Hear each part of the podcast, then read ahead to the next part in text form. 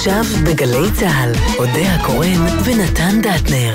עורכת ענבל גזית. הבית של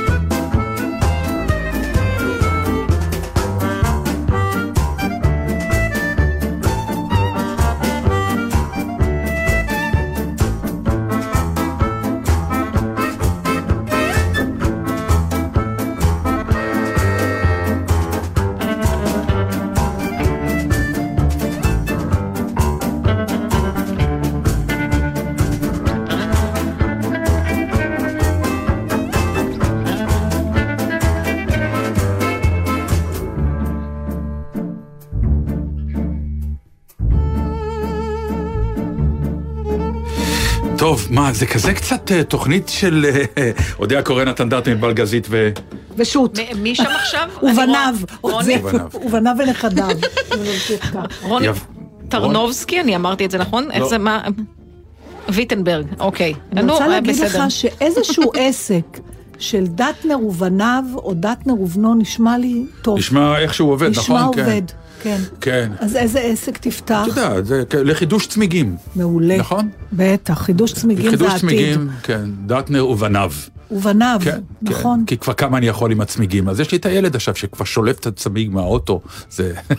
אני חושבת שזה נפלא. אני רוצה להגיד לך שבמסגרת התקופה הפסיכית שאנחנו חיים בה, אה, יש לפצ'קה אוטו בלי גלגל ספייר. כך הוא נמכר. לא, לא נכון. מה זאת... הוא נמכר עם גל ספייר, אבל הוא לא. גלגל קטן. לא, גם זה אין. אני אומרת לך אין. אה, משהו אז- היברידי אין. היא יודעת, נתנו זה משהו נבחן שמנפח- בסלע המציאות. לא, תקשיבי, אני, אני, כל פעם שאני נוסעת, אני בכל התפילות, בכל השפות, לכל האלוהים של כל הדתות. אני אומרת לו, מה הרעיון? מה לא? יש משהו במיוחד, אחר אתה מקבל לנפח את הצמיג עד שתגיע מצליחה. מישהו ערב לי איפה אני אקבל את. לא, תקשיב, סדרי עולם פה משתנים. יש גבול לקדמה, אני אומרת. גלגל אין גבול, ספייר, אין גבול. זה חציית גבולות אין מבחינתי. גבול, אנחנו לא נדבר על זה היום, אבל האוטו החשמלי מתחיל להגיע, ויש פה סיפור. יש לו גלגל ספייר, זה רק מה שמעניין הוא אותי. לא צריך גלגל ספייר, לא, הוא לא צריך אתה. כלום, אין לו מנוע, כלומר יש לו מנוע חשמלי אין לו שזה... פנצ'ר, לא יכול להיכנס אין לו. לו שסתומים, אין לו כלום. אז זה- מה יש את לו? לא מבינה, אין לך בדיקת שמן, אין כלום, נדבר. בדיקת שמן? אין כלום, את לא מבינה, זה science fiction מוחלט. אני תמיד, זה נורא מעניין, שאני תמיד בתוכנית מביא לך המון לא, חדשות. יודעת שיש אוטו. חשמלי. לא. אני תמיד לא? מביא לך כל מיני חדשות סיינס פיקשן, את זוכרת? יא המדפסת. כן, כן, אה, כבר מדפיסים. לי בורג, דרך אגב, אז שבוע הזמנתי. ו- וזה מצחיק כי את זו שעף על הירח, נכון. ואני לא איתך. נכון. כאילו, אני, אני בח- עוצר באיזשהו מקום, ואת ממשיכה הלאה, כאילו, אני החלק הריאלי של הסיינס פיקשן, ואת אומרת, אני רוצה את החלק הדמיוני אני מאוד של רוצה, ה science והדבר fiction. היחידי שמפריד ביני ובין הירח, כן. כמו הרבה פעמים בין אדם לבין חלומותיו, זה כסף. אם היה לי כסף, היו לוקחים לי לירח.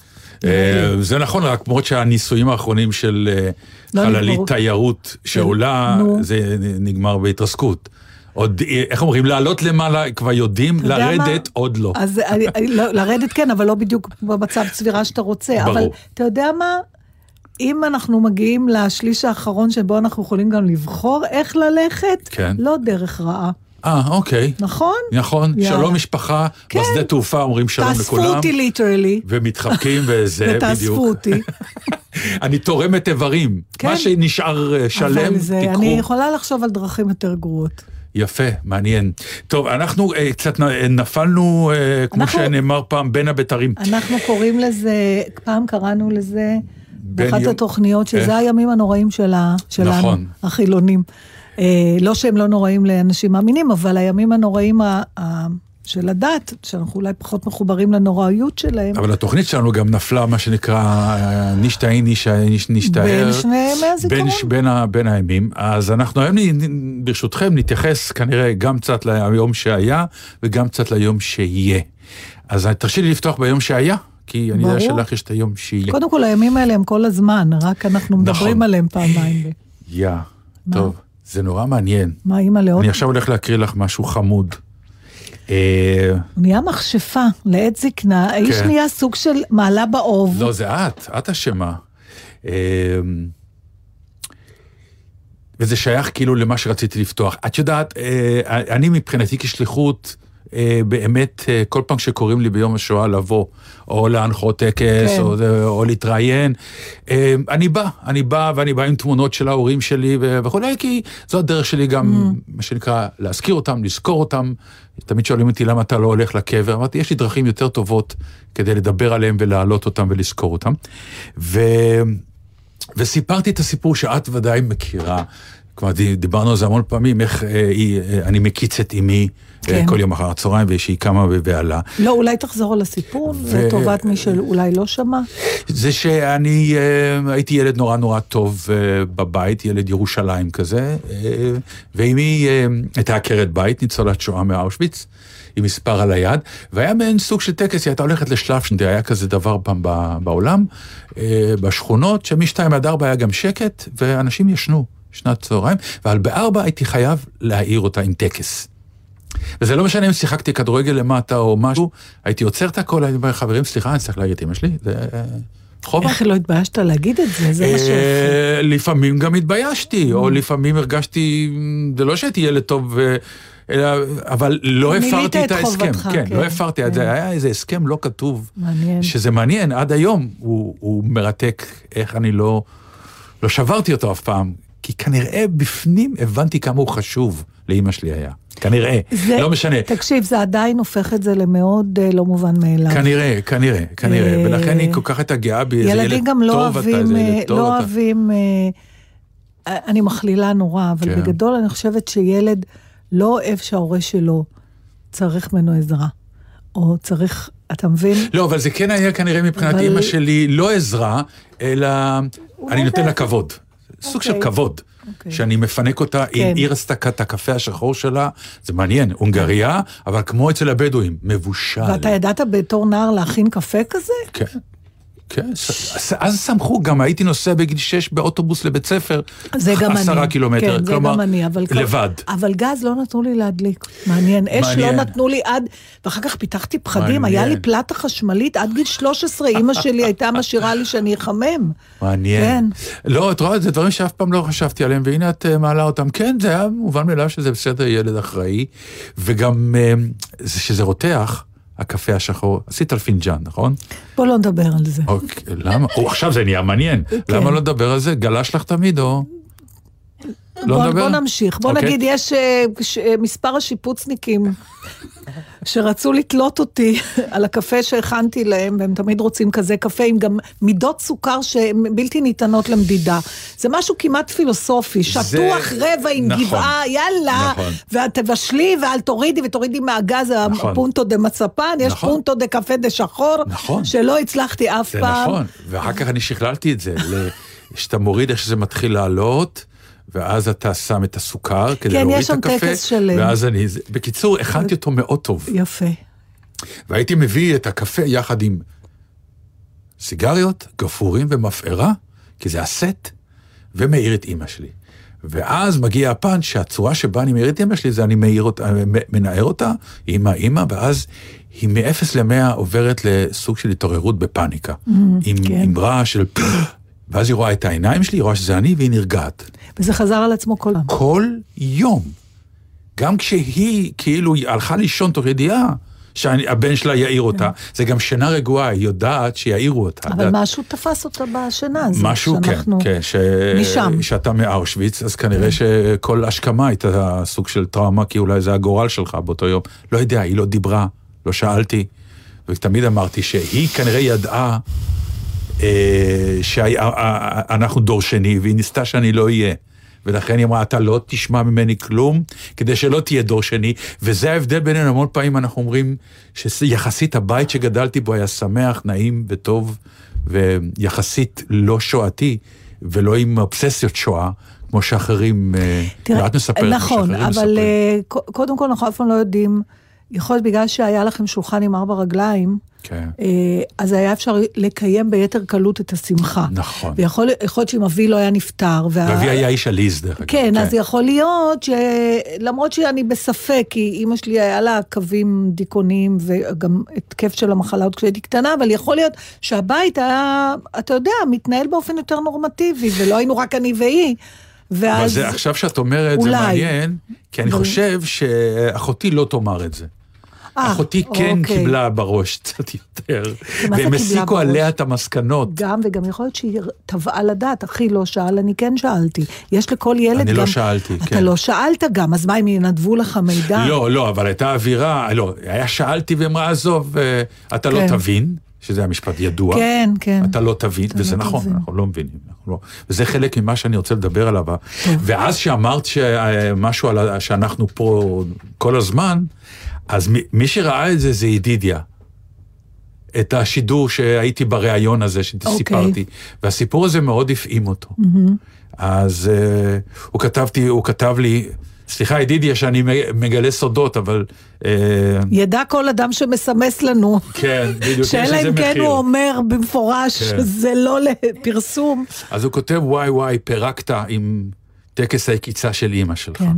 אז החזרתי לו תשובה של תודה, ואז הוא כותב לי, שיהיה ברור שכל תוכנית שלכם, בכל יום שישי, היא תוכנית שואה, דור שני והעברת לפיד. וזה בדיוק מה שכאילו אמרת, מתלכלכות לי העיניים. אבל אה, זה, זה מעניין. בלי שאנחנו מרגישים את זה בכלל. מעניין. כן, זה מעניין, זה מאוד מאוד... אה, על זה אומרים אצלנו, אוי ואבוי, תודה.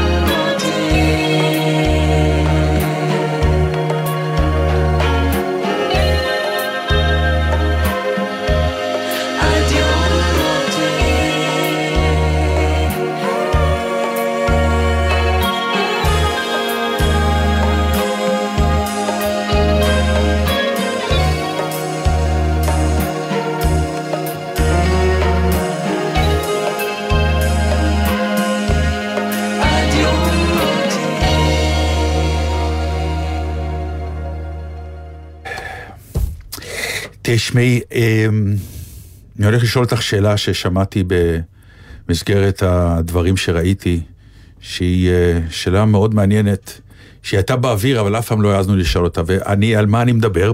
אני אגיד לך. אמ, היה רעיון עם אהרן ברק, שופט עליון לשעבר, לשעבר.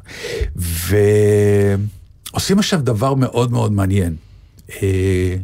אה, תראה, אנחנו כבר הדור השני שבא לספר סיפורי שואה, אה, גם כמזדקן כבר, זהו, זה, זה מתחיל להיות אה, בעייתי. אנחנו בגיל של הניצולים. אוטוטו, כן. תמיד היו, אתה יודע, פתאום אתה רואה תמונות שלהם, הם היו צעירים כשהם היו ניצולים. ברור, הם אבל היו חיים מלאים. כשאנחנו היינו ילדים. היינו אומרים, הם זקנים ניצ... תמיד ניצולי שואה קשור לגיל מבוגר. כאילו, ולשחור לבן. זה רק בזמן האחרון זה הפך להיות צבע, אבל תמיד שואה הייתה זקנה, זקנים ושחור לבן. זה, כן, זה כאילו היה. נכון. ומדובר היה, אני יודע, שאימא שלי כאילו הייתה פצצה בת 17. נכון, הם היו אנשים צעירים. פשוט אנשים צעירים ותוססים. כן. ו... אז הסיפור שלו הוא היה ילד. ויש לו סיפור מרתק שבאמת אה, אה, הבריחו אותו מגטו ורשה בשק. אה, סגרו, אמא שלו סגרה אותו בתוך שק והעלו אותו על עגלה וואו. עם עוד הרבה שקים והעגלה יצאה מהגטו וגם אמא שלו איכשהו יצאה מהגטו ועקבה אחרי העגלה ושם דקרו ואיכשהו קלשונים. עם קלשונים ו- והוא ניצל סיפור מה, מהסיפורים האלה. שתמיד שואלים מהשואה והגבורה, אתה אומר, חבר'ה, זה גבורה, זה גבורה, תחשבו רק על האימא. תחשבו על האימא, מה עובר עליה, אלוהים ישמור. והיפה זה שמתחילים, מה שכבר דיברנו על זה כמה פעמים, אבל מתחילים להבין שהדור החדש, אי אפשר להנגיש לו את השואה בכלים של פעם, די. צריך להנגיש בכלים חדשים, וככה נולד הסיפור בזמנו של אנה פרנק עם ה story, כן. ה story. ועברו לאנימציה. לוקחים את הסיפורים האלה ביד ושם, מעבירים אותם לאנימציה. כך שאתה פתאום רואה סרט מצויר, פחות אה, מה שנקרא ההורו והאימה, אלא רק באמת הסיפורים האישיים, שתבינו כן. מה אנשים עברו. אז אה, בעקבות הסרט, הסרט הזה עליו, עשו סרט עליו, על הסיפור שלו, וככה יקחו סיפורים אחרים. ויעשו אה, זה- סיפורים. אני עוצרת אותך כן. רגע, או, רגע, אולי זאת השאלה שאתה רוצה לשאול, אז אז אני... חכי רגע. אז אני אחכה, אוקיי. כי כבר אנחנו בזמן האחרון, כן. באמת כמו... לא, אבל זו שאלה שפתאום... ש, ש, אז מה אתה כשהוא- שואל? אז, אז הוא מספר ש... אה, לאן העבירו אותו עם העגלה? זה אבא שלו הכיר איזה איכר פולני, כן. שאליו הביאו את העגלה, והוא אמר לו, תביא את הילד, אני אחביא אותו אצלנו. והחביאו אותו יחד עם האימא אצלהם. ואחר כך הוא גילה שהגרמנים הולכים לבוא, אז הוא אמר להם, הגרמנים הולכים לבוא. דיברתי עם, ככה הוא מספר, שהוא אומר, הגוי אמר, דיברתי עם גוי אחר. כן. והוא מסכים הוא ישמור עליכם אצלו ב, ב, באחוזה הקטנה. ולימים נפגשו המשפחות, כמובן, בהתרגשות. את רואה כן. שם את, אה, את השופט אה, אהרון ברק, פעם ראשונה שראיתי פריים שלו, עם, כאילו עם רגש, אה, כן. מחבק שם, כמעט בוכה על מישהי שהייתה כנראה שייכת למשפחה, והוא הביא את הילדים שלו לאירוע והכל. ואז הוא אומר, שאל לי אותם, למה עשיתם את זה? למה החבאתם אותנו? הרי זה היה סכנת חיים. נכון. זה היה ברור, שאם אם תופסים אותנו הורגים ואתכם, ברור. והם ענו, "תראה, אנחנו נוצרים קתולים, אנחנו מאמינים בלעזור. הייתם זקוקים לעזרה? עזרנו. זו פרובלמטיקה שבכלל לא עלתה לדיון מבחינתנו, ככה הם ענו. ואז הוא הסתובב לילדים, והוא אמר, הסתכלתי על הילדים שלי ואמרתי, שאלתי אותם, תגידו, גם אנחנו היינו עושים את זה? אם היינו מוחלטים בתחושה שאנשים נרדפים על ידי רוע צרוף, צדים אותם. שאת בסכנת שכן. חיים, כן? אני חושבת שכן. שאת יכולה גם לא לא להיכנס לבעיה הזאת בכלל, נכון. ולא להציע. נכון. כי אם אתה לא מציע, אף אחד לא... אבל זו שאלה... זו שאלה, כלומר, אני לא יודעת, אנחנו כל- לא אנחנו רוצים לחשוב שכן. ברור. היינו רוצים לחשוב שכן. המחשבה ההירואית היא, כן. אה, הייתי לא... אבל הוא שאל את השאלה הזו מכיוון שהוא ידע שהתשובה היא ממש לא מוחלטת.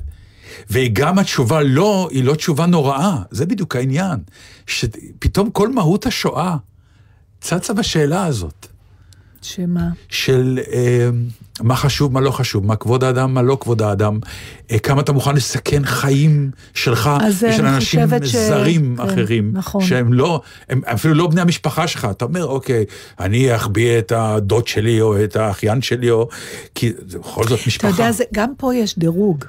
יש את אלה שיצאו ו- ו- ונקטו באמצעים אקטיביים כדי להציל, ויש את אלה, כמו, והרבה פעמים זה היו באמת איכרים פשוטים, שנקשו להם על הדלת, והם פתחו את הדלת הזאת. מעטים פתחו, כי הרוב אמרו לכו, לכו, לכו. יש כאלה שאמרו לכו, הרוב, כן. גם עם זה אי אפשר להתווכח, ויש. כאלה שהלשינו גם. אני אומר, זאת בדיוק. אומרת, יש, זה סקאלה שלמה, אבל מה- מה שטמון בשאלה הזאת זה, אני יכול להבין את אלה שאמרו לא. תראי איזה דילמה, זה פשוט, באמת, המלחמה הזאת זה, זה ה, ה, ה, האימה בהתגלמותה מבחינה זאת. מה עובר על אדם שדופק לו משפחה עם מזוודה, אתה לא יודע מי הם, אבל אתה יודע שהם בסכנת מוות כי הם יהודים, ואתה עיקר שעד עד לפני כמה גם שעות... היית אנטישמי כמו שצריך, יכול להיות יכול קצת, להיות, כן. ולעומת זאת יש את העיר הזאת שעל פי אחר כך הייתה ההצגה ששרפה את כל היהודים שלה נכון, באסם. נכון. כלומר, גם זה קורה. מה עבר על האנשים? לא, זה, זה באמת, זה... בוא נגיד שהתשובה טמונה כן. במספרים. שזה אומר? כמה יש חסידי אומות העולם, נכון, כמה יהודים ברור, נספו, והנה אתה מקבל את ברור. התשובה. אז אלה, קודם כל, לא, אני- אבל זו שאלה שהוא שאל, לא... היל- ומה הילדים, לא, הייתה תשובה? זהו, אני חושב, הוא לא, הוא, לא, הוא לא דיבר על התשובה, אני חושב שזו העברת לפיד מסוימת, שאומרת, זאת שאלה שהיא קיימת בחיים, ואנחנו צריכים להתמודד איתה, אז תתכוננו. אבל השאלה אם, אם זו שאלה שאפשר בכלל אה, להתמודד איתה תיאורטית. לא, אבל אה, תדעו שהיא קיימת. וגם... אה, צריך אתה- לדעת שהיא קיימת. היא קיימת תמיד, וגם נכון. אה, יש את הקו הזה שיגידו לך, עובדים זרים שוהים לא חוקיים בישראל, הם כמו היהודים בשואה.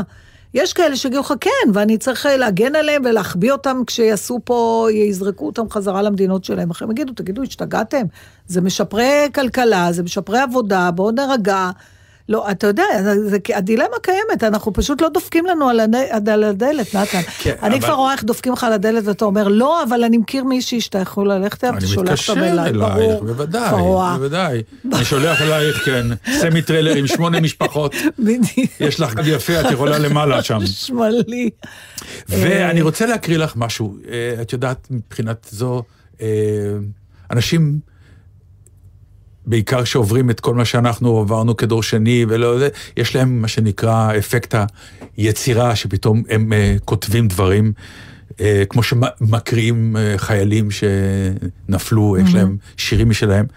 אה, בחור בשם יוסי יחיעם, ש... נזכר פתאום בדבר שאנחנו לא נזכרנו בו, אלא תמיד מדברים עליו, של מה שנקרא המדור לחיפוש קרובים. כן. אתה זו... אמרת לי שאתה זוכר את אני זה זוכר, עוד. אני זוכר את זה לגמרי. כולה ארבע שנים בינינו, ואתה זוכר את זה, ואני לא, אולי כן. אמא שלי לא הקשיבה, קשה לי כי לה... אצלנו, הקש- זה היה כל יום, באזור רבע לשתיים, קבוע, לפני החדשות, זוכרת את זה. קבוע. אוקיי. אני זוכר את הקריין, ועם המזה, יוסיף, משפחת, זה וזה, ממש זוכר, וזוכר שזה בן פתוח אצלנו. כמה היית? בערך? אה, ילד, ילד. מה, אה, שבע, שמונה כזה? כזה, כן. אז זהו, אז אני הייתי בת שלוש, ארבע, אז כנראה שזה זה הבדל, הפער בינינו, בכל זאת, כן, בשביל זה אני איש אשכולות ואת, אה, כן, מהשפתות. מהשפתות לגמרי. אז אני רוצה להקריא לך דבר יפה- יפה. הוא כותב, הוריי היו מקשיבים למדור לחיפוש קרובים. קריין אחד, עם קול בודד, קורא שמות ברדיו. מפזר גלי אורך שמתפשטים בציר המרחב והזמן, דרך צפיפות התווך האינסופי אל תוך האפלה. מישהו מכיר? מישהו שמע? שוורץ אפרים? לא? רוזה רוטנר? במקרה? אולי? המדור לחיפוש משמעות. תן שם, תן אות, שאתה חי. תגיד ששווה, שיש למה לחכות. אולי. המדור לחיפוש קרובים, קול סמכותי, פוקד מאחורי מיקרופון מעל ערימה של דפי שמות, קומו לתחייה, הסתדרו בשורות. פרלה בת, גיטל הירשברג נולדה ב... קלמן בן ליאון והניה, אח של, נשלחה למחנה. המדור לחיפוש קרובים, בית אבא כל יום, רבע לשתיים, אפס אפס, ילד קטן, זה אני, יושב מול קופסה גדולה ומאזין, אולי בלי להבין, למרש האבל מנוגן היטב במדור לחיפוש קרובים. יפה, יחיעם, נכון? מעניין אם זה מאוד. יפה מעניין מאוד. אם הקליטו את הדבר הזה. יוסי יחיעם, יפה מאוד. אה, אני-. שם נולד הבן עיר, נו, אנשים לא יבינו. בן עיר. כן, בן עיר, אני, היו לי מלא דודים עד שהבנתי שדוד זה קשר משפחתי. תראה, זה... ב- את זוכרת בדיוק, את זה? ברור. כולם היו ב- אה, דודים. מי אתמול... זה רגע, דוד שלך, זה דוד שלך. אה, אח שלי היום, דיברתי כן. איתו. הוא אומר, גדלתי בלי דוד. אמרתי לו, איזה גדלת בלי דוד? לך עוד היו דודים, כי מאבא שלו היה, היה שם עוד כאלה ששרדו. מאבא שלי לא. הוא אומר, נכון, אבל רק בגיל חמש-שש פתאום גיליתי שיש לי את הדוד הזה וזה. אמרתי לו, אתה לא זוכר שהיו לנו דודים שהם בכלל לא היו קשורים אלינו? רובם. מספיק, כן, כי למה קראו להם דוד? מספיק ש... תראה, זה מדהים, אדם צריך קרובים. האדם צריך קרובים, עם נכון. כל הקיטורים, צריך קרובים. ובעיקר שהוא יודע שהקרובים שלו עכשיו- מתו, הם אינם. לא, אתה צריך קרוב. בוא, בהגדרה, אדם צריך קרובים. עכשיו, אם מתמזל מזלו ויש לו קשר דם, אז יש לו את הקרובים שלו. ואם אין לו, הרחוקים לאט לאט, כמו בתור, שלאט לאט האחרונים מתחילים להגיע ליד הדלת, אז הרחוקים נהיים קרובים לאט לאט. אז אם אין לך את המשפחה, אז אתה מחפש מישהו שלמד איתך בבית ספר. לא מצאת מישהו, היה איזה דוד אצלנו שקראנו לו דוד שהוא אפילו... לא היה מהעיר של אימא שלי, אבל הוא היה מהעיר הכי קרובה, הוא היה מלודג' 100 קילומטר מקאליש, יאללה, הולך גם, אתה מבין? או, זה... יש אדוות כאלה, הקרובים, הקרובים זה בן עיר, זה מאותה עיר בן אחרת. עיר, אה, אבל גם כשלא היה עיר, אז היה מה, מהפלך, היה, זה מעניין, זה אני לא זוכר. good enough. לא, אצלנו זה בן עיר. ובן עיר זה כן, קרוב בן משפחה, עיר זה היה קראנו לו המושג, דוד, אבל כן. היו גם כאלה שהיו אומרים, הוא הכיר את אימא שלי נגיד, הוא היה... העיקר שיהיה בואו רק נספר איזה... למאזינים שהמדור לחיפוש קרובים, מי שלא מישהו יודע, הקליט את כל התוכניות האלה של המדור לחיפוש קרובים? לדעתי הם אה, לא מוקלטות, יש אותם אבל הם בארכיון של, אה, אה, אני מניחה, הארכיון של רשות השידור, כן. שהפך להיות ארכיון התאגיד. בכאן יצרו סדרת רשת של ארבעה פרקים בעקבות סיפורים, ארבעה סיפורים מישהו שונים. מצא? מהמדור. לסיפור אז אז קרובים. זה מה שמעניין. הם אה, מתארים בתקציר את זה שחלקן איזה סיפורים אה, מדהימים של איחוד וחלקם סיפורים של אכזבה. הם כן. חזרו לארבעה כאלה עכשיו. וואי, נהדר. יש העליתי את זה איפה בעמוד אדם הפייסבוק יכול- שלנו. העלית את זה? נו, חבר'ה. הבנתי. המדור לחיפוש קרובים שתבינו, אה. מכיוון שאנשים איבדו משפחות ולא ידעו כלום אז- ועלו לארץ, אז כל יום ברבע לשתיים היו שולחים בקשות לרדיו, והרדיו היה מקריא שמות של אנשים שמחפשים. גם את השם של המחפש ושם של יש לי המחופש, איזה מה שנקרא. צמרמורת עכשיו, מפני שהדבר הזה הוא נורא אופייני לאסונות. אפילו באסון התאומים היה לוח ענק, ואנשים הדביקו תמונות עם שמות שלה, אני לא יודעת, לא היה ב-2001 עוד פייסבוק וכאלה? אני כבר לא עוקבת אחרי ה... ב-2001 עוד לא הוקם עוד- ב-2004. אוקיי, היה, אנשים שמו תמונות של ה... מישהו ראה, מישהו שמע, אני, אני כן. מניחה שהם ידעו שאף אחד לא ראה ושמע, לא יודעת למה הם אה, לא, אולי... הסיפור של המדור לחיפוש קרובים, אגב, צריך לומר, הוא התחיל באמת ב-1945 כיוזמה של הסוכנות היהודית, אה, כותבים זהו. כאן, אבל ב-1968 הגיעו למסקנה שמי שלא נמצא עד היום, הסיכוי. לאתר אותו כבר קטן. למרות שעוד שנים אחרי זה, בברית המועצות לשעבר, צצו כל מיני אחים, ראיתי בתוכניות ליום השואה, השנה, זה נורא מעניין אצלי, יש שנים שאני לא יכולה, אני, אני לא רואה. אני אראה בפעם האלף את שינדלר ובפעם האלפיים את הפסנתרן, ואני לא רואה את העדויות וזה. ויש שנים שאני לא יכולה לעזוב את זה, והשנה הייתה אחת מאלה. אה, כולל אחר כך ביוטיוב שעתיים, עוד פעם לראות את כל הקטעים ממשפט אייכמן, שזה... מרתק. אה, אין לי כבר מילה אה, זה להגיד מה. מה, אה, עוד פעם ועוד, אני כבר אומרת את הטקסט בעל פה, ועוד פעם אני מסתכלת, ואני רוצה עוד פעם את קצטניק נופל, ועוד פעם, לא, זה... עכשיו היה סרט, באמת, אני, אני מפצירה במי שיכול למצוא אותו, אה, הפרטיזן האחרון קראו לזה, תקשיב, איזה משהו, כמעט סימסתי לך באמצע. יו, אה, סרט שצולם עם אה, אדם בשם לאוניד ברנשטיין. גר באיזה דירה קטנה בקריית אתא, כלומר, הוא נפטר תוך כדי צילומי הסרט, בגיל 97 מראיינים אותו, אבל זה היה דוקו-דרמה, זאת אומרת, ראי- מראיינים אותו, ובעבודת עריכה נפלאה, יש גם סרט שצילמו היוצרים, שלצערי אני לא זוכרת את שמותיהם באוקראינה, עם שחקנים, כן. המחיזו. הסיפור, כן. כן, סרט שעובד. עכשיו, אתה מסתכל על הסרט הזה, האיש היה אה, פרטיזן, והוא גם זה שגילה את טילי ה-V2, או איך שקראו להם, של הגרמנים, שכתוצאה מהם גם... סיפור הירואי שאתה לא מאמין בכלל מה שהאיש הזה עבר, ואף אחד מהשכנים שלו בכלל לא ידע. עכשיו, חיים ליד בן אדם, שגם העברית שלו לא משהו, כי הוא מתראיין ברוסית, כבד גוף כזה, מבוגר, חי באיזו דירה קטנה כזאת, בשיכונים, ואני אומרת, רבאק, בטח אף אחד מהשכנים שלו בכלל לא יודע איזה סיפור יש עליו. לא, והם לא יודעים. תקשיבו, זה סרט... גם זה אה, סרט תיעודי של כאן, הוא שודר בכאן שכן. 11, העליתי את הקישור אני לעמוד הפייסבוק שלנו. משתחווה לכאן. עכשיו, אני רוצה עוד- שנייה אחת לחזור לסיפור הזה של קצטניק. הדימוי הזה שלו, תראה, אני גם בן אדם שאוהב לעבוד עם דימויים, זה עוזר לי לפעמים להבהיר את המחשבות שלי. אוקיי. הדימוי שלו, בעדות שלו, הלא ארוכה, כי הוא התמוטט, שאושוויץ הייתה פלנטה אחרת, הוא לימים חזר בו מאז, אבל החזרה מזה הייתה יותר חלשה מהדימוי, ולכן אני תמיד זוכרת את הדימוי. הוא, הוא קרא לזה פלנטה אחרת, הוא קרא לזה כוכב אפר, והנימוקים שהוא נתן לזה, הוא כאילו ברא, אתה יודע, נורא קשה לתת מילים לדברים כאלה גדולים.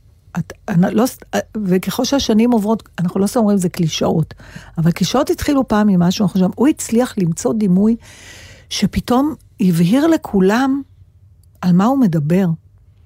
והוא אמר, זה בכלל לא דומה למה שאתם יודעים. אתמול, דרך אגב, שמעתי מישהו בדיוק מתראיין על זה אצל אה, ציפי גונגרוס בגלי צה"ל.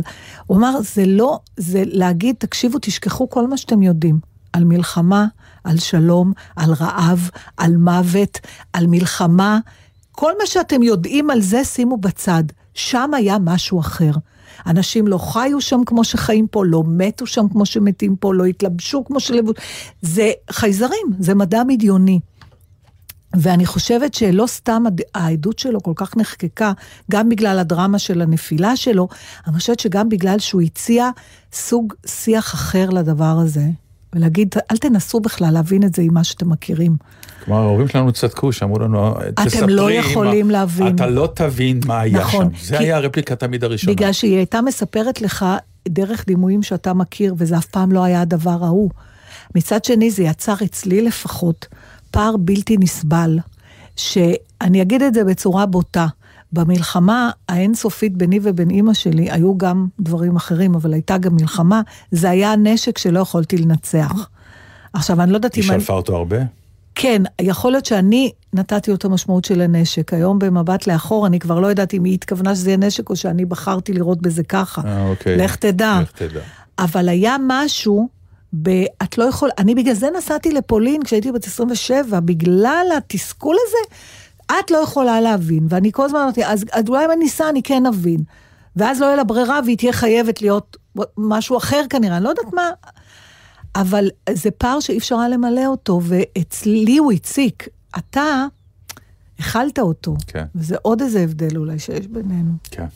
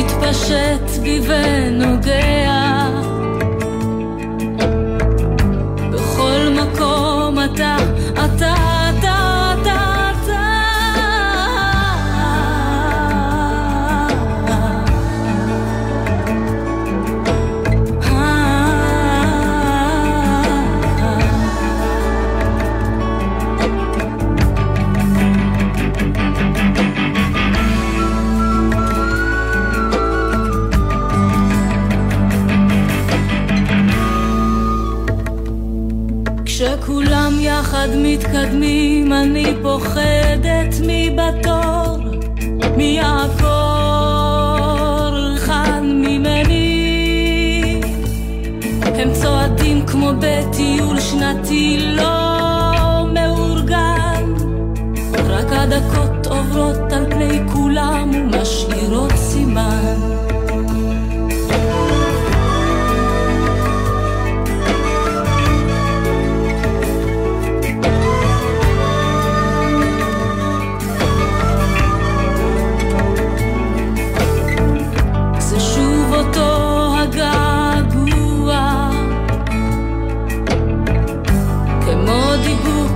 כמו שרפה הוא מתפשט בי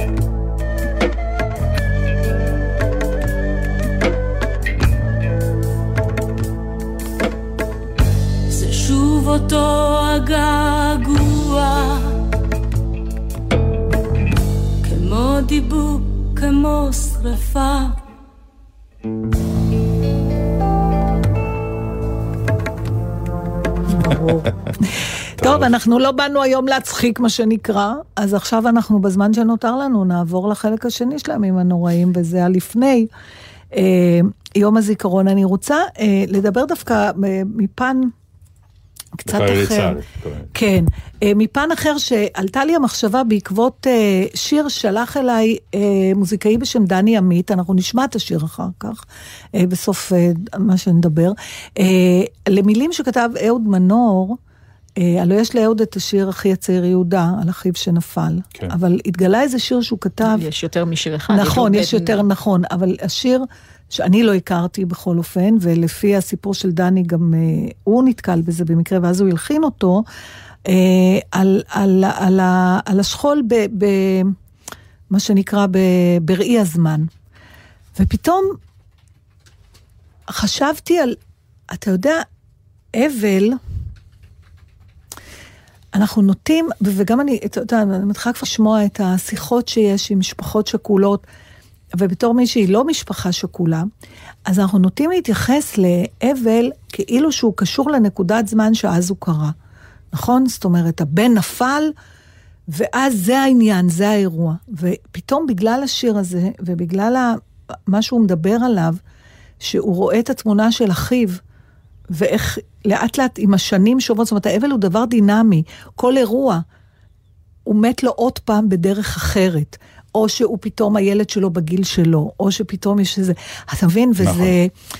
ה- ה- אף פעם האבל לא יש לו התפתחויות, הוא לא- לא בדיוק, סטטי. הוא לא סטטי והוא גם לא נקודתי. הוא תמיד, והוא מתרחש כל הזמן, הוא משנה גלגולים, אבל הוא כל הזמן שם. זה לא משהו ששמים בצד. יש בדיוק על זה שיר. ואז אוקיי, אז פשוט אה, גיורא איזה? פישר, כן.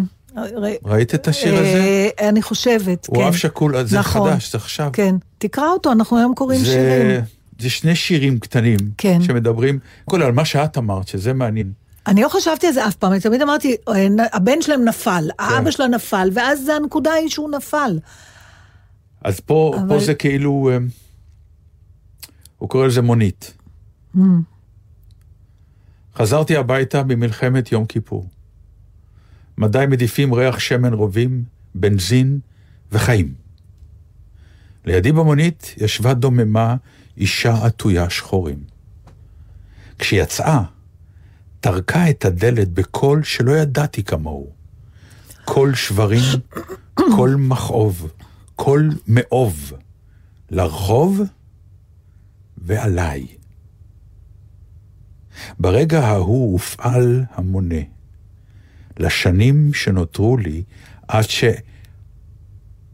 שאפענח את נהמתה ואתרוק גם אני את ימיי. ואז הוא כותב עוד שירון קטן, קוראים לשיר טפו טפו טפו. זה עם חיוך. אוקיי. אוי גיורא, אני מה זה מצטערת. לא ידעתי שאתה טפו טפו טפו, לא עלינו, אב שכול. כן, הטפו טפו טפו עליי ועל פניי, זה לא גשם, זה הטפו טפו שזולג משתי עיניי. כן, אז אה, אני חושבת שעל זה עכשיו, אם, אם נחבר את שני חלקי התוכנית, גם להורים שכולים, למשפחות שכולות, גם להם יש דור שני. אף פעם אנחנו לא חושבים על זה. על האחים. על הילדים של אהוד מנור, על ה... זאת אומרת, אה, לא, את- אוקיי. את, את אומרת דבר מאוד נכון, כי הרי היה לנו פעם אה, ויכוח שאנחנו קצת עשינו אשטג לדור שני. לא, יש דור שני לכל דבר. לכל דבר יש אבל דור שני, גם מי שעלה ממרוקו, אז עד אה, מי שנולד. להורים שלה, אבל, הוא אבל דור שני. אני מתכוונת אה, שיש להם, הם ינקו גם דברים, כן. אוקיי? וגם הדברים האלה צריכים לצאת, ואז כמו באיזה מעשה פלאי כזה, שפתאום כן. הכל יתחבר, גם, לא ידעתי מה אתה הולך להביא, לא ידעת מה אני הולכת להביא, נכון. ולא... אבל הנה הבאתי אה, שיר גם. יפה, אה, זה נשמע כמו תוכנית שעבדנו עליה לפני, לא, לא, ממש לא, כי אתה לא... שבועיים, עשר שעות אין ביום, לתאר, נכון? היום זה ס- זה ס- ס- אה, שמואל זה מוניץ. ספר חדש דנדש של של שמואל מוניץ, מוניץ. שהוציא ספר שירים. שהוציא אה, ספר שירים. ותשמע, אני לא יודעת, על ש- אני- הוא היה בגלי צה"ל ואני קצת, מכיר- כאילו, אנחנו יודעים כן. מי הוא בפנים, אבל לא ידעתי על הסיפור שלו, לא כלום. וגם עכשיו אני לא יודעת כלום. זה מדהים שלפי השיר שאני הולכת לקרוא לך, שהוא כתב לאימא שלו, אני מבינה שאימו הייתה ממשפחה שכולה. אה. אז, ו- וזה בדיוק, מתח... זה, קוראים לשיר הזה דלקת מפרקים. שמעתי את בחייך מבעד לקירות הדקים. הסברת, לא מתים מזה ולא נרפאים. הגוף לפרקים הוא מלכודת פתאים, מגדל שרועד ויסודות רקובים.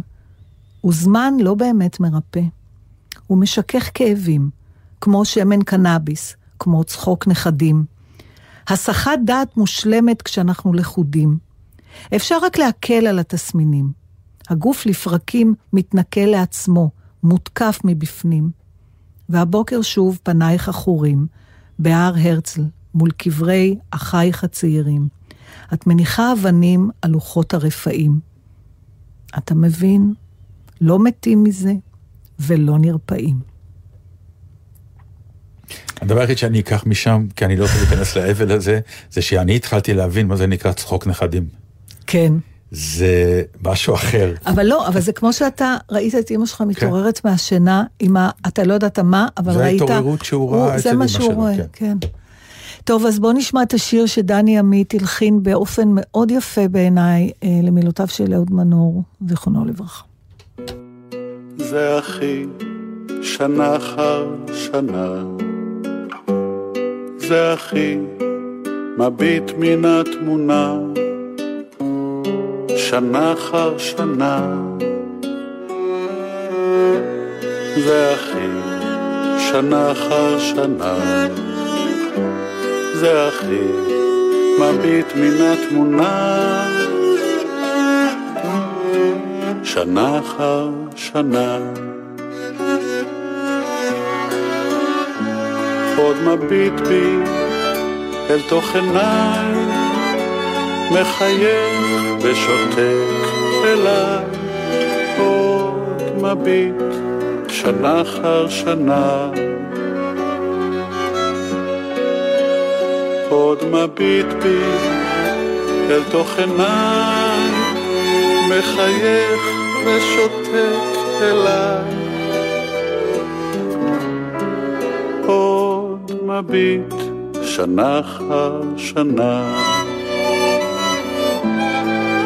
הוא לא יהיה, לא אבא, לא חתן, הוא רק אחי הקטן.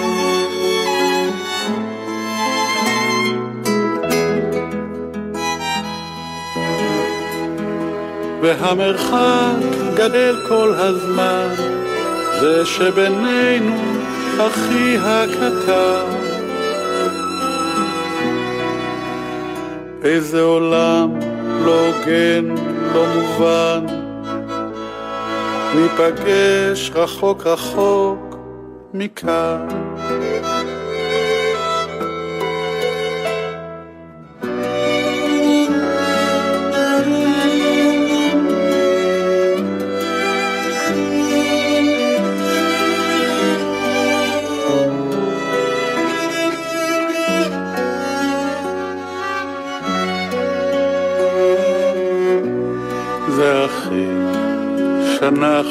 שנה.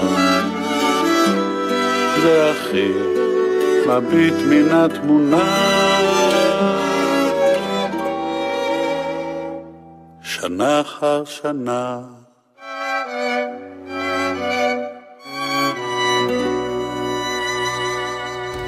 יפה, אז לסיום, כדי שבכל זאת, אה, אני רוצה, אה, באתר וואלה... במאמר חד, במעבר חד. לא, לא, זה לא, לא, לא תגיד. כל כך חד, אבל במעבר אנחנו... ב- חד. שם, וואלה, לקח לי זמן, אה, מיתר שליידר פוטשניק, אכן, זה השם. זה השם. היא אה, כותבת בחורה. עם אומץ. היא כותבת, אה, כן, לגמרי. אני מאוד מקווה שהיא צעירה ולא בת גילי שהיה צריך בשיעורי מלאכה לא, לרקום את היא השם על צעירה. מפית. היא כי צעירה. לדעתי עד היום יש לה שם של, אה, של הטכנאים שלנו. היא אכן אה, בוגרת גלי צה"ל. בבקשה. די, נו. בבקשה, עם שם כזה אתה חייב להיות. אבל היא- לא בצד הטכני, כן. היא, אה, היא כתבה אה, כתבה שאני מאוד מזדהה איתה, אני מוכרח לומר, וגם את אוהבי? את זה. מה? שהכותרת היא הקורונה נגמרה, החיים חזרו. זה אמור להיות משמח, אבל בדרך, אבל בדיוק מזה אני בדיכאון. כן. יש דברים שאתה שואף נורא אליהם, וכשהם באים, זה קצת, כאילו, האוויר יוצא וזה לא, זה לא הבטחה. הרצון הזה לחזור לחיים הרגילים, עזבי את העניין הכלכלי, אני מדבר על הרצון להיפגש בחיים, בית קפה וכל מיני כאלה. הרצון הזה אה, הופך להיות, אה, אנחנו כל כך כבר מתאהבים ברצון, ולא באמת בישיבה בבית קפה, אלא אנחנו... הסבל במרכאות של אוח, כמה הייתי עכשיו יושב בבית קפה ונהנה, וכשזה הגיע, אז אוקיי, בפעם הראשונה, אתה אומר, היי, אבל בפעם השנייה כבר זה... אבל עם זה יש גם את המ- את המחיר, כמו שהיא כותבת בכתבה. אה, החוגים, הפקקים, ה- כאילו, הכל, הכל הגיע. ואז יש לה תובנה מדליקה, היא אומרת, אני רוצה נורא לחזור חזרה ל double meaning של העניין. הווה אומר, אני רוצה להיות מוזמנת לחתונה, אבל יש לי את החופש לא ללכת. ברור. לא, אבל הקטע הזה שבזמן הקורונה הכל היה ברור. כל הלאווים, לא היה צריך שום תת הסבר. שום דבר, שום תירוץ. שלנו תמיד יש, יש לי הצגה, כל הדברים האלה, את מכירה. כן. ומשהו בדיאלוג הזה של, לא אכפת לי שהחיים יחזרו, אבל שאני לא אהיה מעורב אז בהם יותר מדי. אתמול, אה, בחדשות נהדר. אה, 12 נדמה לי, כן. ראיינו אה, שלושה ניצולי שואה, אה, ביניהם מרק אה, בלייבייס, משה בלייבייס, ידידנו, שלנו. ראיינו אותו, שלנו. שלנו. באמת, אנשים, אה, שורדי שואה, היום הוא כבר מלאי אומרים חיים. שורדי, מלאי חיים, עושים הרפתקאות, כן. וזה אחת מהן שמתעקשת להיות מאושרת ושבעת רצון, ואיש לא יזיז אותה מהעמדה שלה, פשוט, אני לא זוכרת שמה, היה לה מבטא צרפתי כזה, מדליקה לגמרי. אז היא אומרת, אני הכי מאושרת מה שהייתי כל החיים שלי. היא אומרת, תקשיבי, למעלה משמו, היא בטח קרובה ל-90. למה? היא אומרת, אני, יש לי חופש לעשות רק מה שאני רוצה. היא יכולה רק מה שהיא רוצה לעשות. זה מה שהיא מרגישה, היא יכולה ללכת למי שהיא רוצה, מתי שהיא רוצה, איך שהיא רוצה, אה, היא לא חייבת לאף אחד דין וחשבון, היא, כל דבר שבא לה היא יכולה זה- לממש. זה למה היא אומרת, למה, למה יש לה את ה... תראה, לא נכנסתי לפרטים, אני מניחה, אני מתחילה להרגיש את ההדהוד של הדבר הזה. לא, אבל זה ההדהוד שכבר קיים. שבגלל שכבר ההורים שלנו הלכו לעולמם, הילדים כבר גדולים, ואתה... לא, היא מרגישה מפני שהיא... אני לא יודעת למה היא מרגישה את זה, זה גם עניין של אופי, גם דיברו על זה אתמול, אבל היא אומרת, אני, היא יכולה לא ללכת, היא לא צריכה קורונה בשביל ללכת לחתונה שלא בא לה. זהו, היא כבר אין לה דין וחשבון. אין לה דין וחשבון, אבל- למסור, זה הבי- בעצם הסיפור. נכון, למסור דין וחשבון, אלה- מחצית חיינו אנחנו אנחנו- ממלאים נכון. טופסי דין וחשבון. אבל הביטוי אה, לא צריך למלא דין וחשבון נשמע כאילו איזה מין סוג של אנרכיה, ולא תמיד הוא נשמע חיובי. נכון, אתה אומר על בן אדם, הוא לא דופק דין וחשבון לאף אחד, זה נכון. תמיד יש לזה גם קונוטציה שלילית. הוא אגואיסט, הוא לא רואה את הזולת, הוא עושה... אבל בגיל אומרת, מסוים זה מתחיל להיות סקסי. זה, אתה לא מבין כמה. עכשיו, לפעמים, אני אומרת, בא לי כבר להיות בגיל מספיק מבוגר, שאני אוכל, כל מי שמעצבן אותי, ישר להוריד לו מטריה או תיק על הראש. זאת בדיוק השאלה, האם זה גיל? אני אגיד לך, זה כמו שבזמנו... אתה מרשה לעצמך פתאום דברים. הקראתי אני- לך את מריל סטריפ, שהיא אמרה כן, שזה אפרופו, נכון. אפרופו המקצוע שלנו ואפרופו ההגעה לגיל שהגענו אליו, שזה גיל שאומר, די, אני מפסיק למצוא חן, אני מפסיק כן, to אבל- please, אני מפסיק, וזה מוציא ממני הרבה הרבה הרבה רוגע ושקט, כי זה היה כרוך בהמון אנרגיות. אבל עדיין צריך להיזהר מהדבר הזה, מפני שכולנו גם מכירים את אותם אנשים מבוגרים שהם בלתי נסבלים, שהם בלתי נסבלים, כי הם מרשים לעצמם להגיד מה שהם רוצים ולהתנהג איך שהם רוצים, זה בדיוק לא בהכרח חירום. זה מה שהיא אומרת. התוכנית עומדת להיגמר. אז זה אה, אני רק אומר, חבל. זה מה שהיא אומרת, לא אכפת היא לי שחושבים... לא, אבל פה הפאנץ'. כן. אני הגעתי לגיל שלא אכפת לי שחושבים שאני בלתי נסבל, אבל אני בשביל זה לא אנסה למצוא חן בעינייך עכשיו. זה התובנה. טוב, ביי, יש לי מה. להגיד על ביי. זה. שלום. נדבר. עוד היה קורא נתן דטנר בלגזית. ביי אוש. נדבר. חפוז, חפוז, חפוז.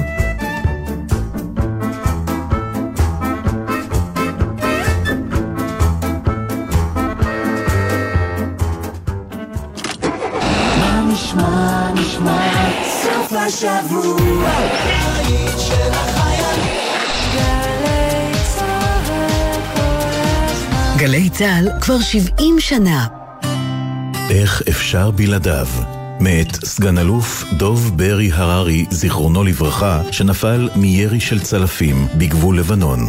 את השיר מלחינה ומבצעת סמלת במילואים יעל אנגל. אני פה וליבי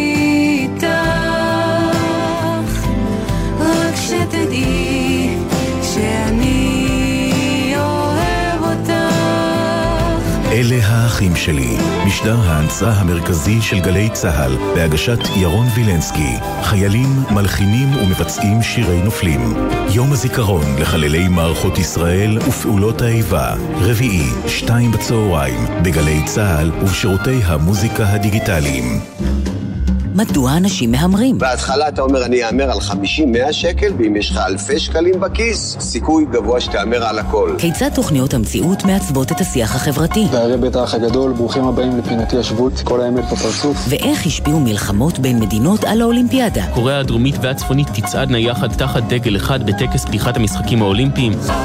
גלי צה"ל, הוצאת משרד הביטחון והוצאת מודן, גאות להשיק את הספר החדש בסדרת האוניברסיטה המשודרת. משחק, איך הוא משפיע על מציאות חיינו. ספר חדש בסדרת האוניברסיטה המשודרת, עכשיו בחנויות הספרים. מיד אחרי החדשות, אהוד בנאי.